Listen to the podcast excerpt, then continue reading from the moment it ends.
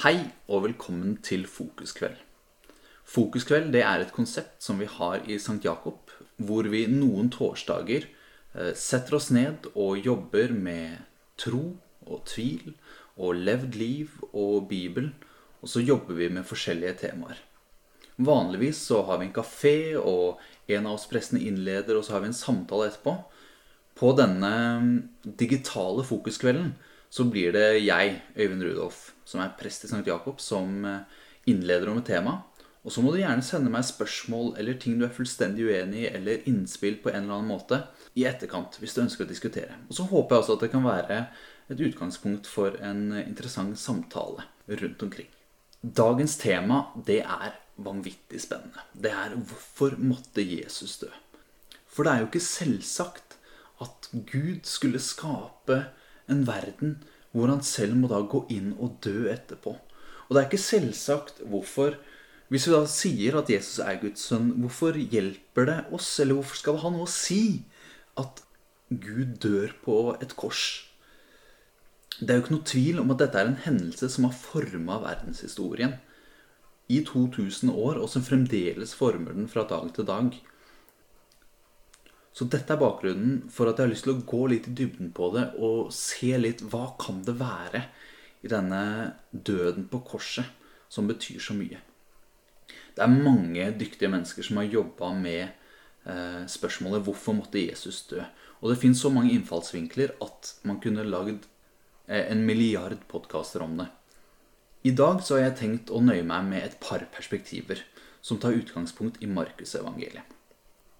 De to perspektivene sier absolutt ikke alt, og det er mange perspektiver jeg ikke vil komme innom. Men jeg syns de perspektivene jeg løfter fram her i dag, er ganske spennende, og jeg håper at dere også syns det. Det jeg skal snakke om, er i veldig stor grad inspirert av Morten Hørning Jensen, som underviser på Menighetsfakultetet både i Danmark og Norge. Og når jeg har sittet med forberedelser til denne digitale fokustimen, har tankene mine flydd av gårde til en studietur som vi hadde i Israel og Palestina. Hvor vi reiste rundt, så de historiske stedene Bibelen forteller om. Og så fikk vi høre Morten forelese om arkeologi og Bibel og teologi. Det er eh, fantastisk gode minner. Så stor takk til Morten for det han ga meg, som jeg nå tar meg friheten til å gi videre til dere. Underveis i denne digitale fokuskvelden vil det bli lest fra Markusevangeliet. Og det er Susanne Feste Ingebrigtsen i St. Jakob kirke som leser. Og om du skulle ønske noe å hvile øynene på, så finnes det bilder av hva jeg snakker om på stjakob.no under sida til denne podkastepisoden og på nyhetssaken på forsida. Da tror jeg vi er klare, så la oss sette i gang.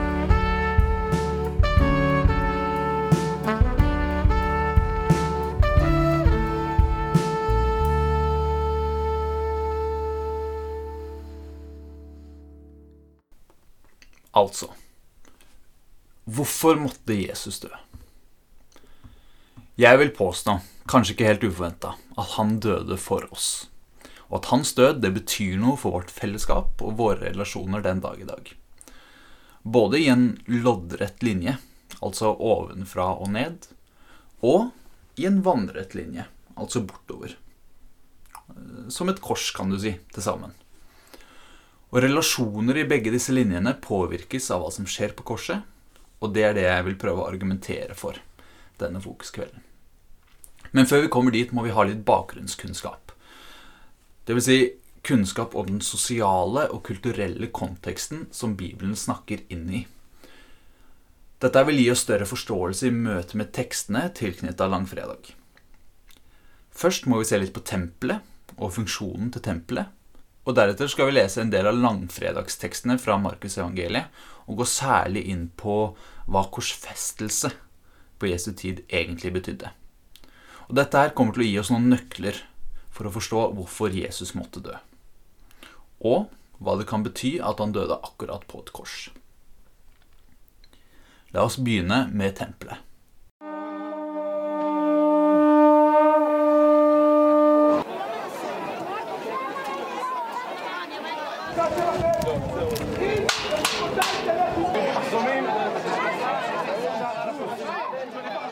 Det hørtes kanskje litt ut som dette her. Og um, tempelet, det står i kontinuitet med telthelligdommen i Mosebøkene og Salomos tempel i bl.a. første kongebok.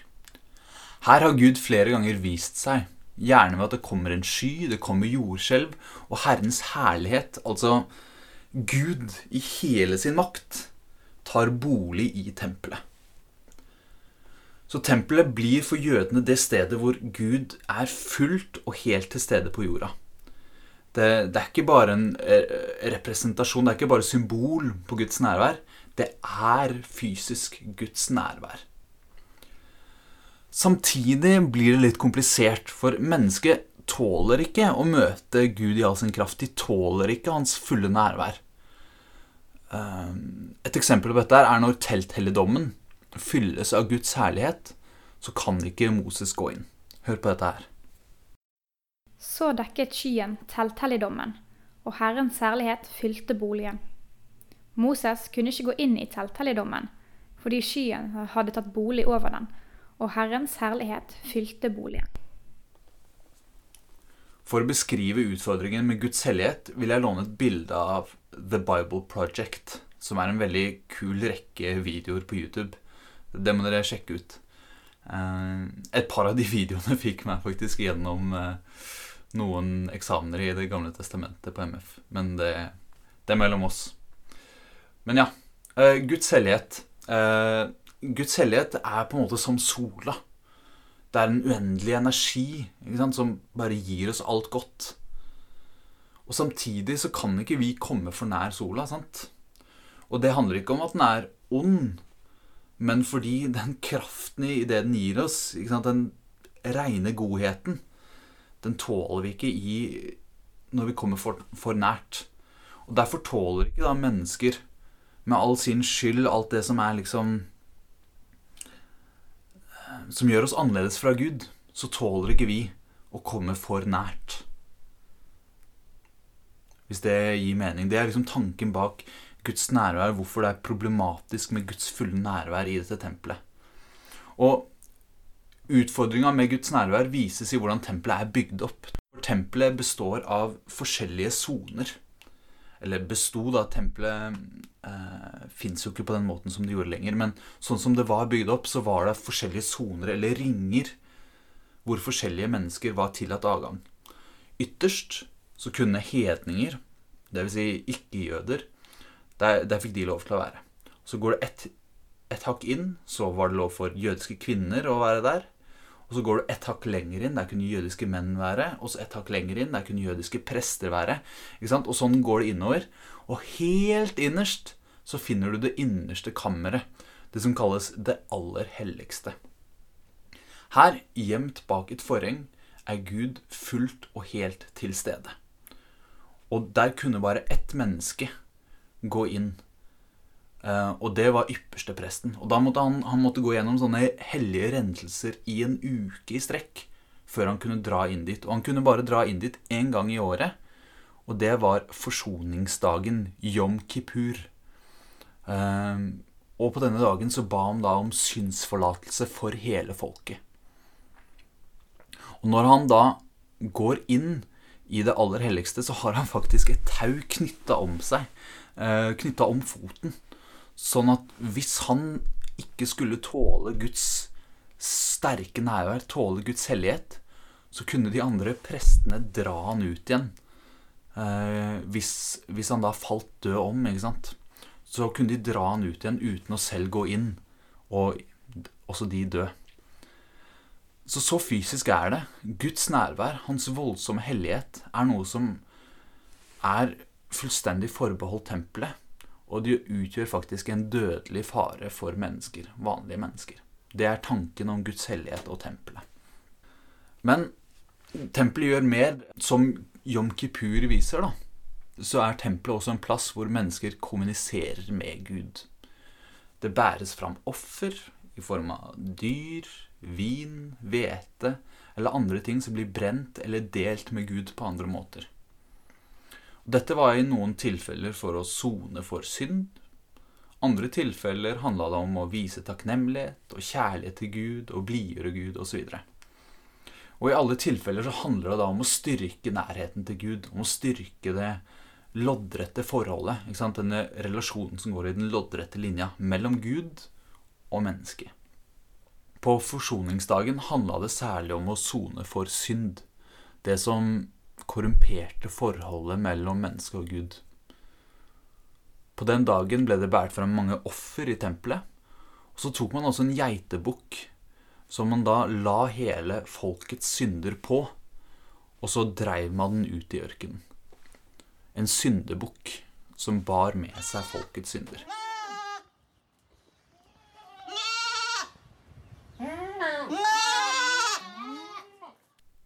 For å gå litt videre, da. En ting som er veldig spennende med evangeliene som kommer om Jesus, er at i evangeliene så virker det som om Jesus der overtar en del av de funksjonene som tidligere har vært overlatt til tempelet. Altså, han tilgir synder, og han snakker med Guds autoritet. Og i Markus 9 for eksempel, så kan vi lese om at skyen kommer over Jesus og åpenbarer hans herlighet for disiplene. Og dette er ganske sterk ordbruk, det som vi hører her. Da kom det en sky og skygget over dem, og det lød en røst fra skyen. Dette er min sønn, den elskede. Hør ham. I tillegg til disse eksemplene på at Jesus overtar tempelet sine oppgaver, så er det mye som tyder på at korset skal forstås som et evig sonoffer som endrer menneskenes forhold til Gud for alltid.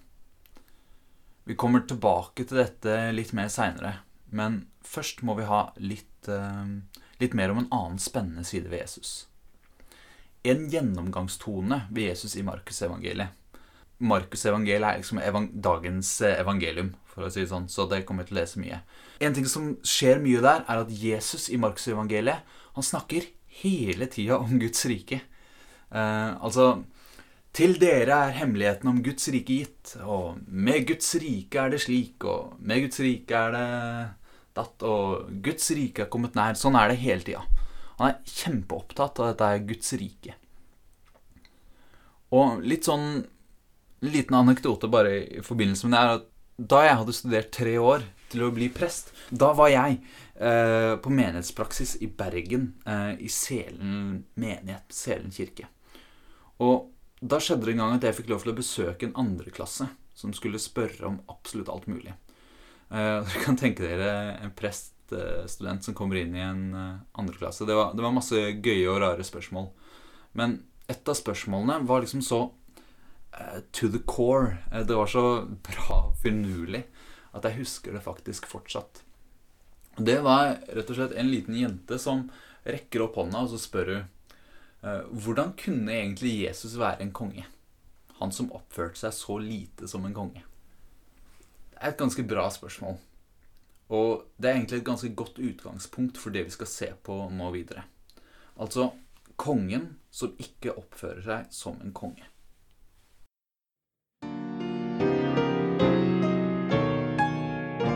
Dagens glose.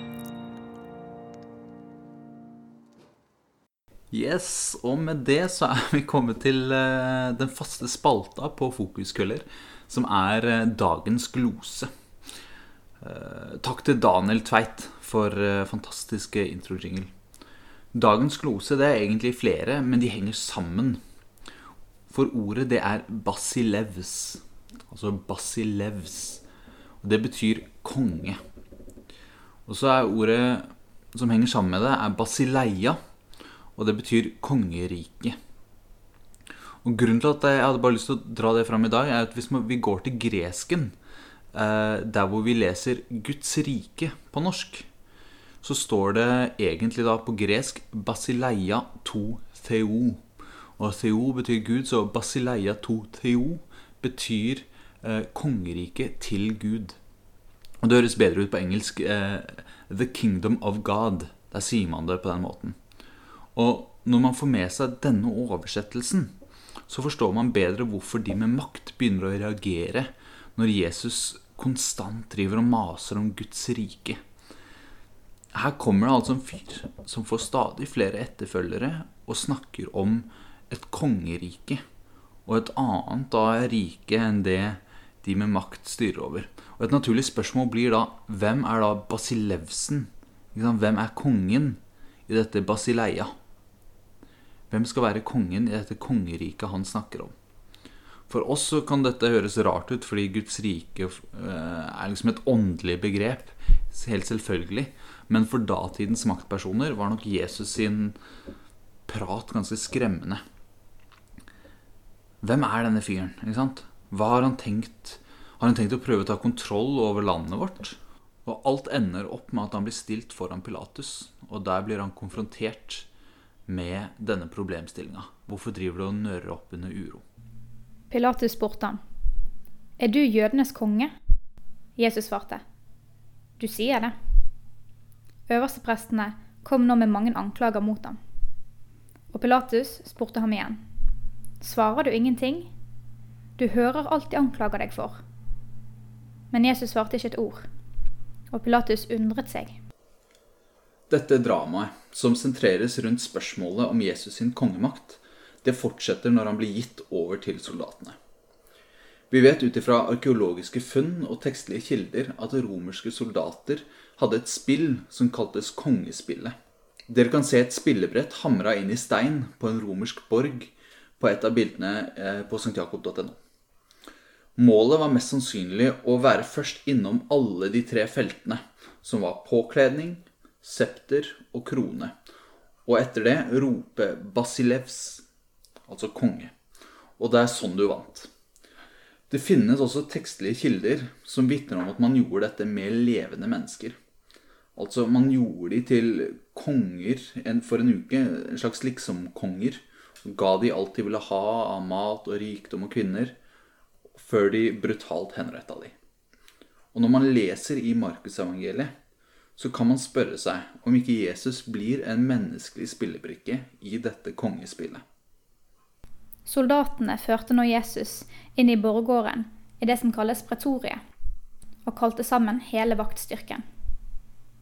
De kledde ham i en purpurkappe og flettet en tornekrone og satte den på hodet hans. Så begynte de å hilse ham. Vær hilset, du jødenes konge. De slo ham i hodet med en stokk, spyttet på han og la seg på kne og hyllet han. Da de hadde hånt han, tok de purpurkappen av ham og kledde ham i hans egne klær. Krone og påkledning er i hvert fall der. Om stokken var septeret, så er alle elementene til stede. Jesus sin påståtte rolle som jødenes konge blir håna og latterliggjort. Og det samme er et underliggende tema i Jesus sin vandring til Gålgata. Romerske kilder forteller oss at det var vanlig at de som var dømt til korsfestelse, bar enten hele korset eller deler av korset til der man skulle bli korsfesta. Mye tyder på at dette henspiller på en kjent romersk skikk, nemlig triumftoget. Triumftoget var en sentral tradisjon i Romerriket. Dere har kanskje sett serier eller filmer fra Romerriket. Eh, og ofte ser man da på et tidspunkt triumftoget.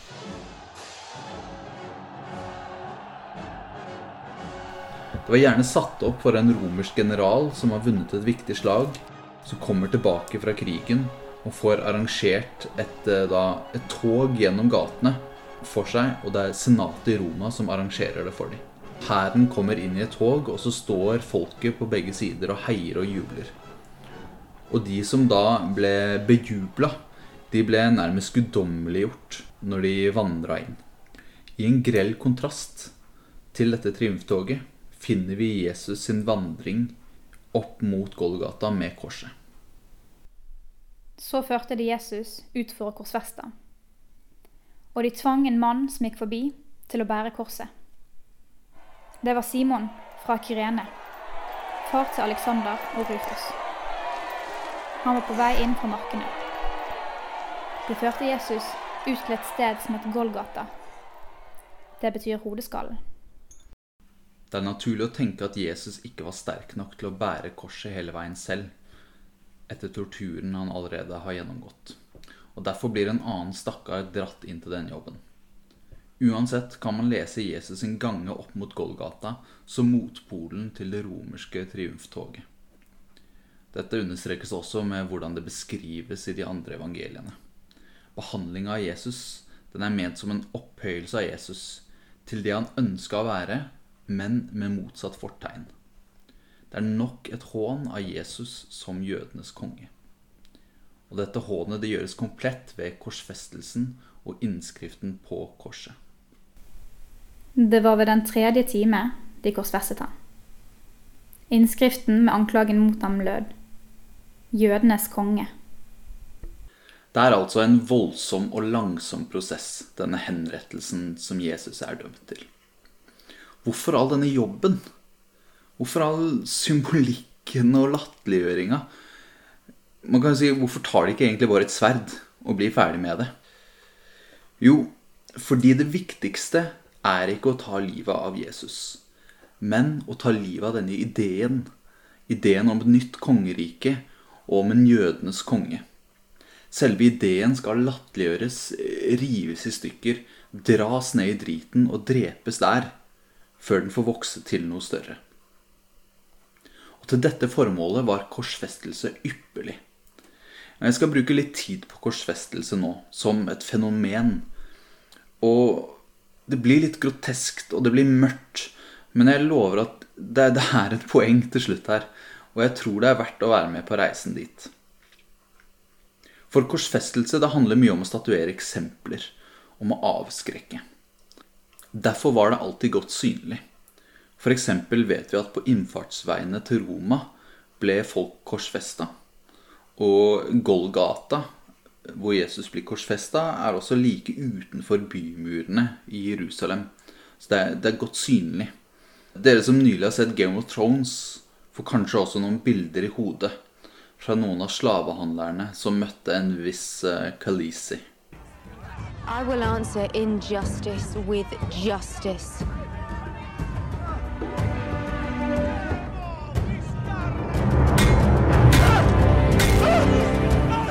Noe som er ganske fascinerende og samtidig ganske morbid, er at man blir ikke enig om hva som var dødsårsaken for dem som ble korsfesta. Det fins egne moderne medisinkonferanser hvor de prøver å finne ut av dette. Og gjerne diskutere seks ulike grunner for døden som korsfestelse førte til. Eh, sjokk, væskemangel, eh, kvelning er blant de mest aktuelle. Og bare for å gi dere litt perspektiv på dette her, Romerne de tester ut mange ulike former for drap. De rangerte faktisk forskjellige former for henrettelse. Hvor den mest nådige var gladius, henrettelse ved sverd. Og deretter var det død ved ville dyr. Deretter var det brenning. Og til sist, og aller verst, korsfestelse.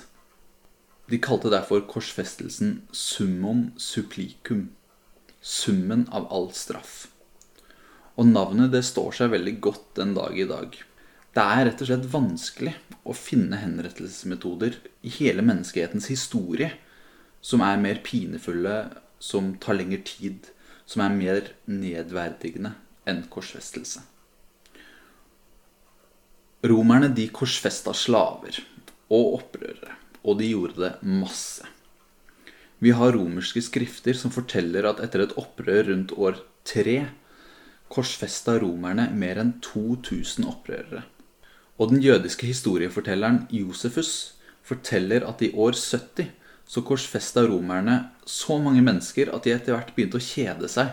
Så de korsfesta folk på mange forskjellige måter, i forskjellige vinkler og alt mulig dritt. På bildene jeg har lagt ut, kan dere se både bilder av forskjellige typer korsfestelse og arkeologiske funn som forteller historien om korsfestelsen. Så det viktigste med henrettelsen var ikke selve henrettelsen, men det eksempelet som ble statuert. Frykten av å bli drept samtidig som man ble strippa av all verdighet, var noe som kunne holde store folkemengder i sjakk. På korset ble man senka ned i den dypeste skam, hengt opp naken foran hele byen for å sakte dø. Man har historier om at menn ble hengt opp på kors at familien deres ble samlet foran korset og drept, mens personen på korset ikke kunne gjøre noe annet enn å sakte dø og se ned på sin døde familie. Korsfestelse handla altså om å dehumanisere mennesker, senke dem til bunnpunktet av den menneskelige tilværelse. Den verst tenkelige måten å dø på, i den absolutte skam. Og grunnen til at du kunne holde store menneskemengder under kontroll med en sånn henrettelsesmetode, var at fordi du som en vanlig borger visste at du uansett hvor langt nede du var på rangstigen i samfunnet, så kunne du alltid synke lenger ned. Selv slaver, som i noen tilfeller levde så vonde liv at det er vanskelig for oss å forestille oss det i dag, selv de hadde noe å frykte. Og Derfor kjenner vi også korsfestelse under navnet slavestraffen. Korset var altså ikke noe vakkert, noe håpsbringende, som vi kanskje forbinder det med i dag. Kanskje syns du det er litt fint når du ser et kors, fordi du forbinder det med kirka eller noen gode følelser. I antikkens tid var det ingenting positivt forbundet med dette symbolet. Korset var det mørkeste som fantes. Alle kjente til det, alle frykta det, alle visste at korset var bunnpunktet av den menneskelige tilværelse. Og med den bakgrunnen leser vi videre fra Markus. Sammen med ham korsfestet de to røvere, en på høyre og en på venstre side av ham. Og det skriftordet ble oppfylt som sier, han ble regnet blant lovbrytere. De som gikk forbi, ristet på hodet og spottet ham. Se nå, du som river ned tempelet og bygger det opp igjen på tre dager. Frels da deg selv og stig ned fra korset. På samme måte hånte også øversteprestene og de skriftlærde ham og sa til hverandre. Andre har han frelst, men seg selv kan han ikke frelse. La nå Messias, Israels konge, stige ned fra korset, så vi kan se og tro. Også de som var korsfestet sammen med ham, hånte ham. Da den sjette time kom, falt et mørke over hele landet, helt til den niende time. Og ved den niende time ropte Jesus med høy røst. Eloi, Eloi, lema sabachthani. Det betyr, Min Gud, min Gud, hvorfor har du forlatt meg? Noen av dem som sto der, hørte det og sa, Hør, han roper på Elia. Da løp en bort og fylte en svamp med vineddik, satte den på en stang og ville gi ham å drikke. Han sa, Vent, la oss se om Elia kommer ned for å ta ham med. Men Jesus ropte høyt og utåndet. Og forhenget i tempelet revnet i to, fra øverst til nederst. Da offiseren som sto rett foran ham, så hvordan han utåndet, sa han. Sannelig, denne mannen var Guds sønn. Ellie! Ellie! Lama sabachthani! Hvorfor måtte Jesus dø på et kors? Hvordan kan dette ytterste, mørkeste mørket, denne absolutte skammen, være et godt budskap? Hva kan en korsfesta, latterliggjort konge for 2000 år siden bety noe for oss i dag? Det er nå vi kommer tilbake til de to retningene. Relasjonen i den loddrette linja og relasjonene i den vannrette linja. For det første handler det som skjer på korset om nærhet. Gud som kommer hvert enkelt menneske nært. Relasjonen fra skapelsen i den loddrette linja fra Gud til menneske gjenopprettes. Utgangspunktet er at Guds nærvær er skjult til stede i tempelet. Skadelig for oss mennesker fordi vi er prega av synd, og så hadde vi offer i tempelet for å prøve å bøte på det. Så, på korset, så dør Jesus en soningsdød. Han tar plassen til syndebukken. Han tar plassen til sonofferet. Han tar vår plass og soner for all vår synd. Og når den syndefrie, når Gud selv tar på seg offeret, da er det ingenting som lenger ødelegger denne loddrette relasjonen Gud-menneske. Guds nærvær er ikke lenger skjult i tempelet, for forhenget revner, og Guds nærvær strømmer ut i verden.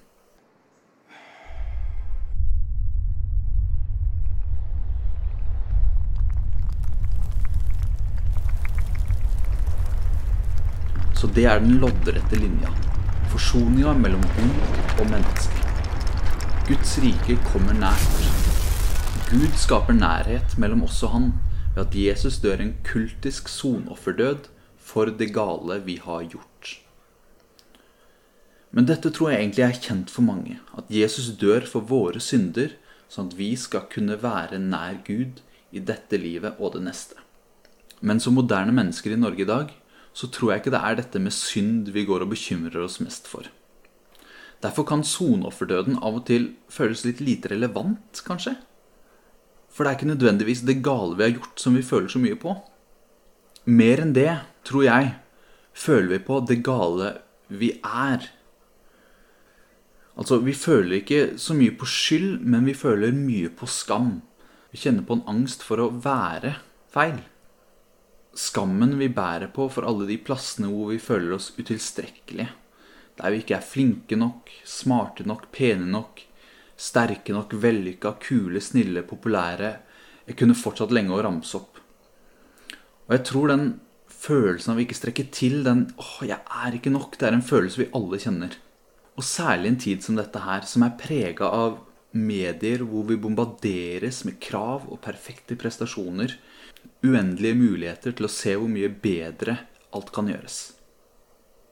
Da er skammen over den vi er, ofte mye mer til stede enn skyldfølelsen for hva vi har gjort.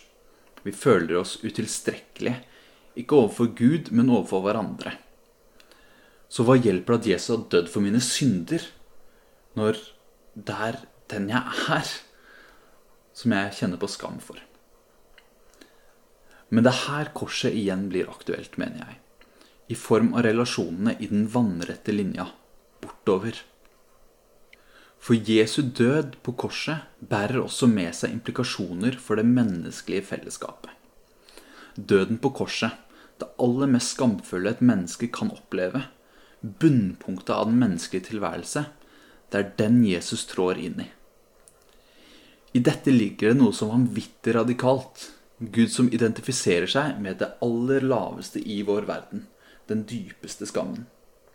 Gud, Basilevsen, kongen selv, går inn i det menneskelige fellesskap og tar rollen som den laveste. For å ta et annet bilde. Om dere har sett bilder av gamle greske templer, så vil dere se at det alltid er masse trapper opp til tempelet. Fordi mennesker måtte, både fysisk og symbolsk, klatre opp til Gud.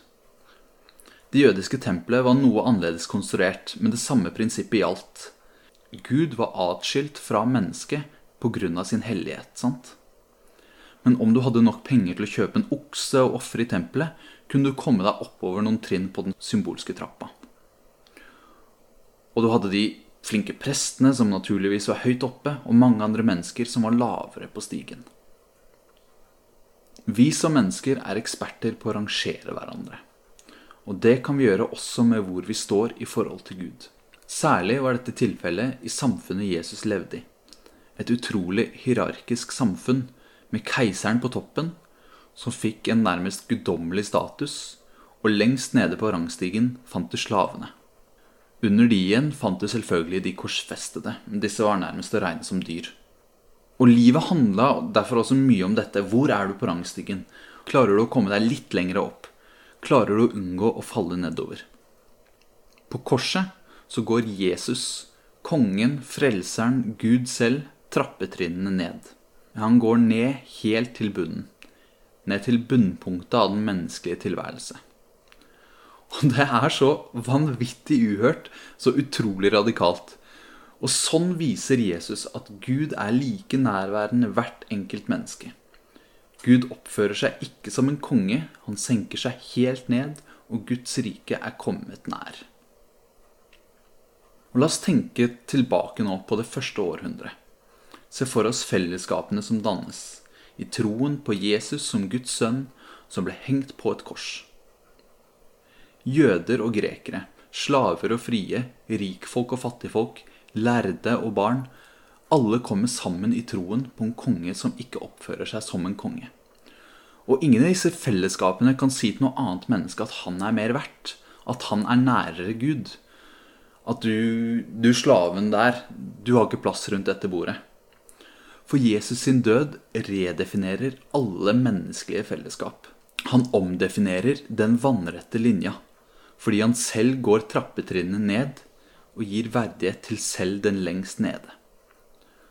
Han går ned i skammen, lar seg latterliggjøre, før han snur alt opp ned.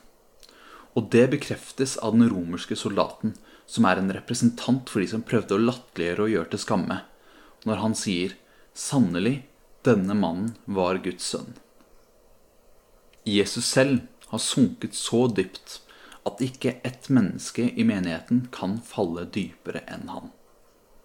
Han er alltid under. Og det endrer vårt fellesskap på en fundamental, dyptgripende måte. Jesus etablerer Guds rike. Et rike som defineres av kjærlighet. Hvor den største er den som gir sitt liv. Hvor målet ikke er å klatre på en form for rangstige, men å speile Guds kjærlighet, rettferd og liv til verden. Dette er altså de to retningene som korset utgjør. Den loddrette, hvor Jesus er syndebukken, hvor han dør for synden vår, hvor han forsoner oss med Gud. Og den vannrette, hvor han dør for vår skam, en død som redefinerer fellesskapet. Han tilgir oss ikke bare, han identifiserer seg med oss, kommer oss helt nær og knuser våre forestillinger om skam og ære om rangeringer mennesker imellom. Så må det samtidig sies at Jesu død aldri kan tolkes alene. Vi tolker den alltid i lys av oppstandelsen. Fordi Jesus dør, kan han også stå opp. Det ytterste eksempelet på hans makt, på at lyset seirer over mørket. Oppstandelsen blir bekreftelsen på at den loddrette relasjonen er gjenoppretta. Og den er bekreftelsen på at Gud når oss selv i bunnpunktet av den menneskelige tilværelse. Ikke noe mørke er for mørkt. Lyset, det skinner gjennom alt. Hvorfor måtte Jesus dø? Dette er et stort spørsmål, med flere gode svar enn det jeg har vært innom her. F.eks. har jeg nesten ikke vært innom Jesus seier over døden, eller Jesu identifikasjon med vår lidelse. Men jeg valgte her å gå litt i dybden på et par perspektiver, med håp om at det skulle være interessant og oppbyggelig. Og uansett hvor mange perspektiver og hvor mye kunnskap vi samler, så består dette. Jesu død og oppstandelse forblir et mysterium. Ingen kan argumentere seg fram til sikker kunnskap om hvorfor og hvordan Gud handler som han gjør. Men jeg mener det finnes gode grunner for å tro at Jesus døde på korset og sto opp fra de døde for at vi skulle kjenne Guds kjærlighet, at Gud elsker hvert menneske uansett vår skyld og skam. Dette er en trygghet for meg personlig, og jeg håper at det kan være det for deg også. At uansett hvor langt nede vi er som mennesker, så har Jesus alltid vært under. Og han er med oss. Uansett hvor dypt vi skulle falle, så står han med armene strekt mot oss nedenfra, klar til å ta oss imot.